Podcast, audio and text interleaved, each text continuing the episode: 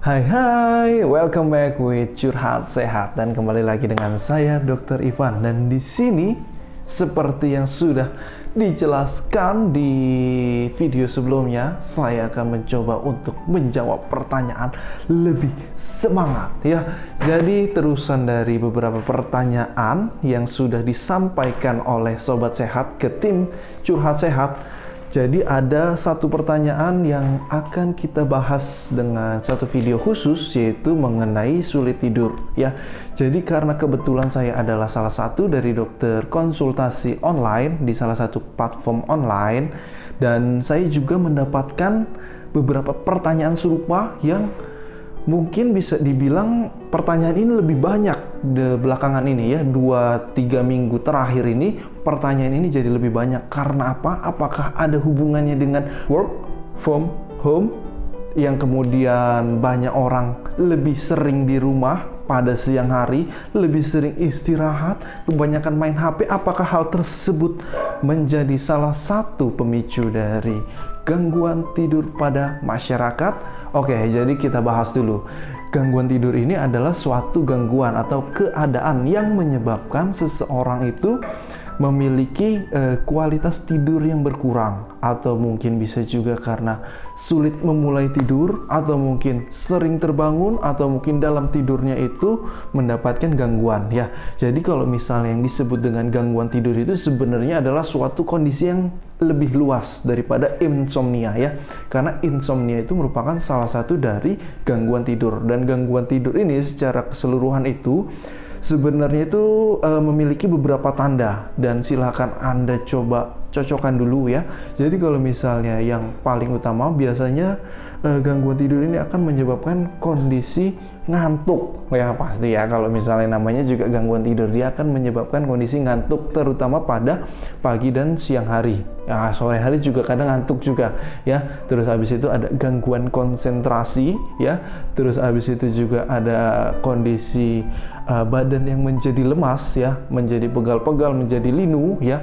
Terus habis itu juga uh, kondisi gangguan tidur ini menyebabkan beberapa kondisi lain yang mungkin akan lebih spesifik ya, yaitu misalnya gangguan pada pola menstruasi. Terus habis itu peningkatan dari resiko beberapa penyakit ya, mulai dari uh, penyakit darah tinggi yang bisa menjadi naik, terus habis itu gangguan pada jantung, habis itu juga gangguan kecemasan secara umum ya, itu merupakan beberapa efek yang mungkin perlu kita waspadai dan jika memang Anda mengalami beberapa kondisi tersebut maka coba lakukan evaluasi pada kondisi tidur Anda ya. Jadi misalnya gangguan tidur itu sendiri memang ada banyak jenisnya ya. Yang paling umum yang paling utama itu biasanya insomnia. Dan insomnia ini kalau misalnya dari saya dulu zaman sekolah kedokteran itu insomnia ini sebenarnya dibagi menjadi ada tiga ya. Insomnia yang sifatnya itu sulit untuk memulai tidur ya. Terus habis itu ada insomnia yang menyebabkan seseorang itu uh, sering bangun ya. Bangun pada malam hari habis itu coba tidur lagi habis itu nanti bangun lagi ya. Terus ada juga insomnia yang menyebabkan kondisi ini orang terbangun pada malam hari dan setelah itu tidak bisa tidur lagi ya. Itu beberapa jenis dari insomnia. Dan kondisi ini biasanya akan disebabkan oleh beberapa hal yang berbeda-beda ya biasanya secara umum insomnia ini akan berhubungan dengan pola ya. Habis itu juga kebiasaan itu yang umum terjadi ya. Jadi uh, seperti yang sudah dijelaskan pada awal cerita tadi, kalau gangguan tidur ini biasanya berhubungan dengan pola, di mana apabila seseorang itu misalnya ya terlalu banyak istirahat atau mungkin tidur pada siang hari, pagi hari, apalagi sore hari itu bisa menyebabkan uh, gangguan tidur pada malam hari ya. Jadi uh, tubuh merasa cukup pada siang hari tidurnya, jadi malam harinya itu jadi susah tidur. Terus abis itu selain daripada gangguan karena tidur siang, bisa juga disebabkan karena aktivitas sebelum tidur. Ya, seperti yang kita tahu, tidak ada yang tidak menggunakan HP mungkin zaman sekarang dan mungkin nonton video ini juga pakai HP ya. Jadi memang banyak sekali orang yang mengalami gangguan tidur akibat kebiasaan buruk sebelum tidur. Ya ketika mulai mau tidur ada main HP dulu ya.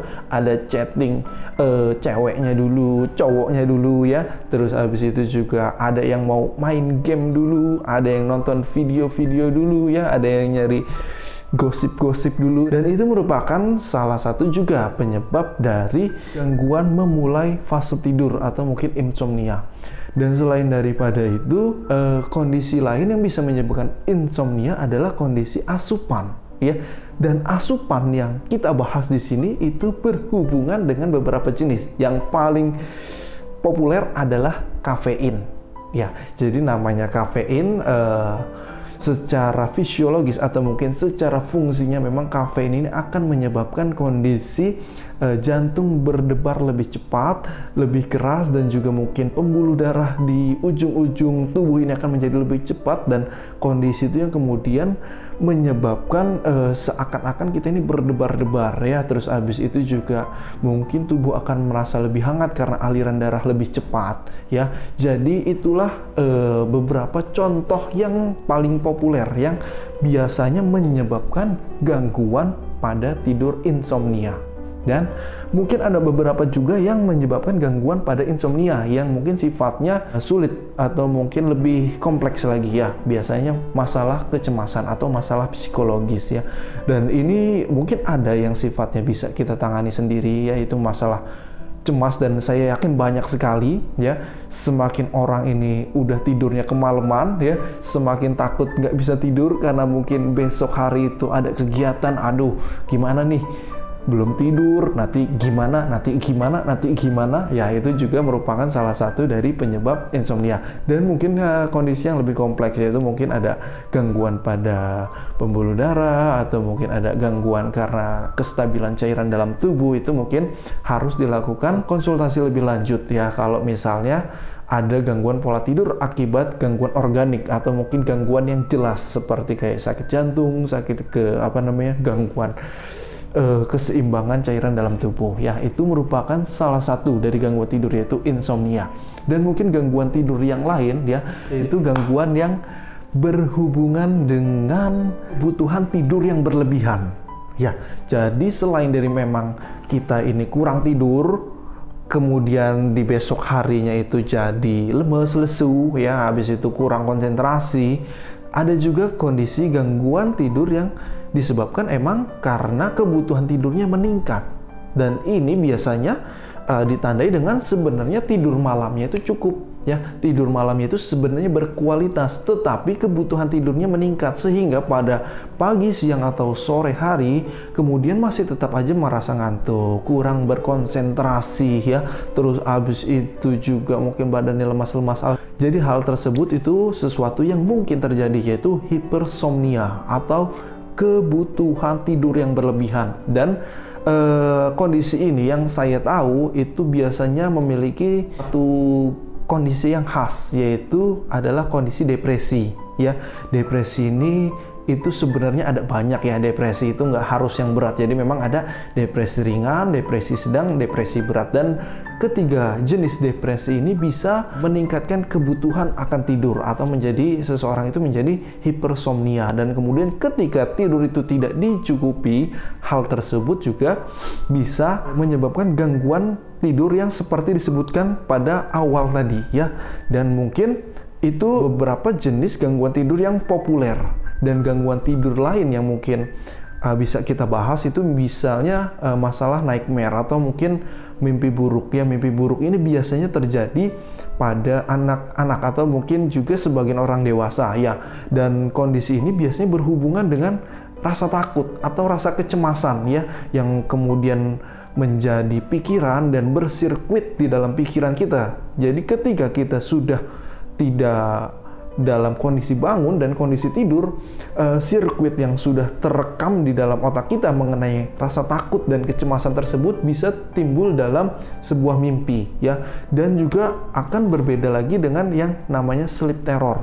Ini merupakan sejenis dari nightmare, cuma memang uh, produknya berbeda atau hasil keluarannya berbeda. Karena apa? Karena biasanya pada sleep terror ini akan berhubungan juga dengan aktivitas atau otot-otot yang ada di dalam tubuh kita.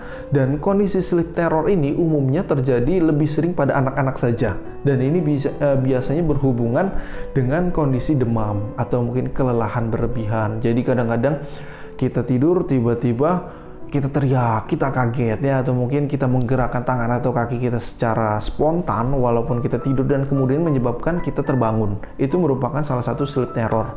Dan berbeda dengan juga sleepwalking. Sleepwalking itu ketika kita tidur, kita tidak sadar tetapi kita melakukan suatu aktivitas. Nah, yang paling umum atau mungkin yang paling disoroti adalah ketika kita tidur kita berjalan ya. Dan itu makanya disebut dengan sleepwalking atau berjalan saat tidur. Dan itulah beberapa contoh dari jenis-jenis gangguan tidur yang mungkin banyak terjadi dan beberapa penyebabnya yang sudah kita bahas tadi dan mungkin kita di sini juga akan membahas mengenai cara untuk mengatasinya ya secara manual atau mungkin cara mandiri untuk mengatasi susah tidur ya. Jadi susah tidur ini tuh bisa kita atasi dengan hal-hal yang bisa kita lakukan dulu di rumah ya. Kita nggak butuh buru-buru ke dokter, kita juga nggak butuh buru-buru untuk minum obat tidur. Jadi uh, setelah kita membahas mengenai beberapa jenis dan beberapa penyebab dari gangguan sulit tidur, kali ini kita akan mencoba membahas mengenai penanganan yang mungkin dilakukan di rumah untuk mengatasi gangguan tidur. Ya, jadi kalau misalnya gangguan tidur yang pertama ini bisa kita lakukan adalah mengubah gaya hidup. Ya, mengubah gaya hidup itu tadi ya usahakan untuk tidak tidur siang berlebihan ya habis itu juga uh, kemudian ubah gaya hidup untuk sesaat sebelum tidur ya pada saatnya waktunya tidur cobalah untuk menghindari penggunaan gadget atau penggunaan HP atau uh, kondisi aktivitas yang kemungkinan membuat Anda sulit tidur, termasuk juga membaca bagi yang hobi baca. Bagi yang tidak hobi baca mungkin membaca akan membuat ngantuk, tetapi bagi yang hobi baca dan bacaan itu menjadi kesukaan, itu juga bisa menjadi salah satu penyebab gangguan tidur. Jadi hal tersebut harus dihindari dulu ya. Yang perlu kita waspadai juga uh, kurangnya aktivitas ya. Makanya kalau misalnya untuk gangguan tidur ini saya menyarankan untuk melakukan olahraga olahraga ini terutama pada sore hari ya. Jadi pada siang hari ini Anda usahakan untuk tidak tidur, terserah Anda ya mau melakukan aktivitas apa pun dan biasanya saya menyarankan untuk Anda menjalani hobi Anda ya. Hobi Anda itu bisa olahraga mungkin dari siang atau mungkin Anda suka membaca atau mungkin Anda mau bermain game pun silahkan ya Uh, terus habis itu pada sore harinya Anda disarankan untuk melakukan aktivitas dengan intensitas sedang ya. Intensitas sedang itu misalnya seperti jogging, bersepeda atau mungkin aerobik ya itu mungkin e, merupakan hal yang paling ampuh untuk mengatasi gangguan tidur. Kenapa? Karena ketika Anda sudah beraktivitas pada siang hari dan olahraga pada sore hari biasanya akan memudahkan Anda untuk tidur ya. Jadi yang keempat ini yang perlu diperhatikan adalah masalah asupan makanan dan minuman ya. Jadi ada asupan memang yang disarankan untuk orang-orang yang gangguan tidur. Biasanya kalau saya menyarankan kalau orang yang tidur itu uh, susu coklat hangat ya atau mungkin susu hangat pada sesaat sebelum tidur itu bisa membantu memberikan rasa kenyang pada perut Anda dan Anda bisa tidur lebih nyaman ya. Terus habis itu uh, untuk menghindari asupan-asupan seperti kafein ya ataupun teh itu pada sesaat sebelum tidur atau mungkin lebih baiknya hindari kafein 6 jam sebelum tidur ya karena hal tersebut bisa mengganggu proses tidur Anda. Terus habis itu juga ketika hal-hal tersebut itu belum bisa mengatasi masalah sulit tidur Anda, jangan ragu-ragu ya untuk datang ke dokter ya. Terus habis itu silahkan Anda konsultasikan apa saja masalah Anda dan apa saja yang sudah Anda lakukan. Dan di situ mungkin dokter akan mempertimbangkan penggunaan obat-obatan atau mungkin terapi lain. Tetapi yang jelas jangan menggunakan obat-obatan tidur sembarangan karena beberapa kondisi obat-obatan tidur itu bisa menyebabkan ketergantungan dan hanya bisa mengatasi kondisi sulit tidur sementara dan kemudian malah sulit tidur lagi ya. Jadi uh, oleh karena itu silahkan dilakukan konsultasi lebih lanjut sehingga Anda bisa lebih jelas untuk penanganan dari sulit tidur sendiri ya. Mungkin itu beberapa informasi mengenai gangguan tidur yang bisa kita bahas di kesempatan kali ini. Seperti yang saya sudah katakan, ini tidak dimasukkan ke dalam video sebelumnya yang bajunya sama dengan ini. Karena apa? Karena memang kondisi pembahasannya cukup panjang. Karena sulit tidur ini uh, sesuatu yang bisa dianggap sepele. Karena apa? Karena kondisi sulit tidur ini bisa menyebabkan beberapa komplikasi seperti yang sudah dijelaskan di awal video. Dan semoga informasi kali ini bisa membantu. Jangan lupa klik subscribe, like, and share video ini untuk kita saling berbagi informasi bermanfaat. Dan ketika ada informasi yang berbeda dengan apa yang kita berikan dan juga mungkin ada pendapat yang berbeda atau pengalaman yang berbeda silahkan didiskusikan di kolom komentar. Dan itu yang bisa saya sampaikan. Wassalamualaikum warahmatullahi wabarakatuh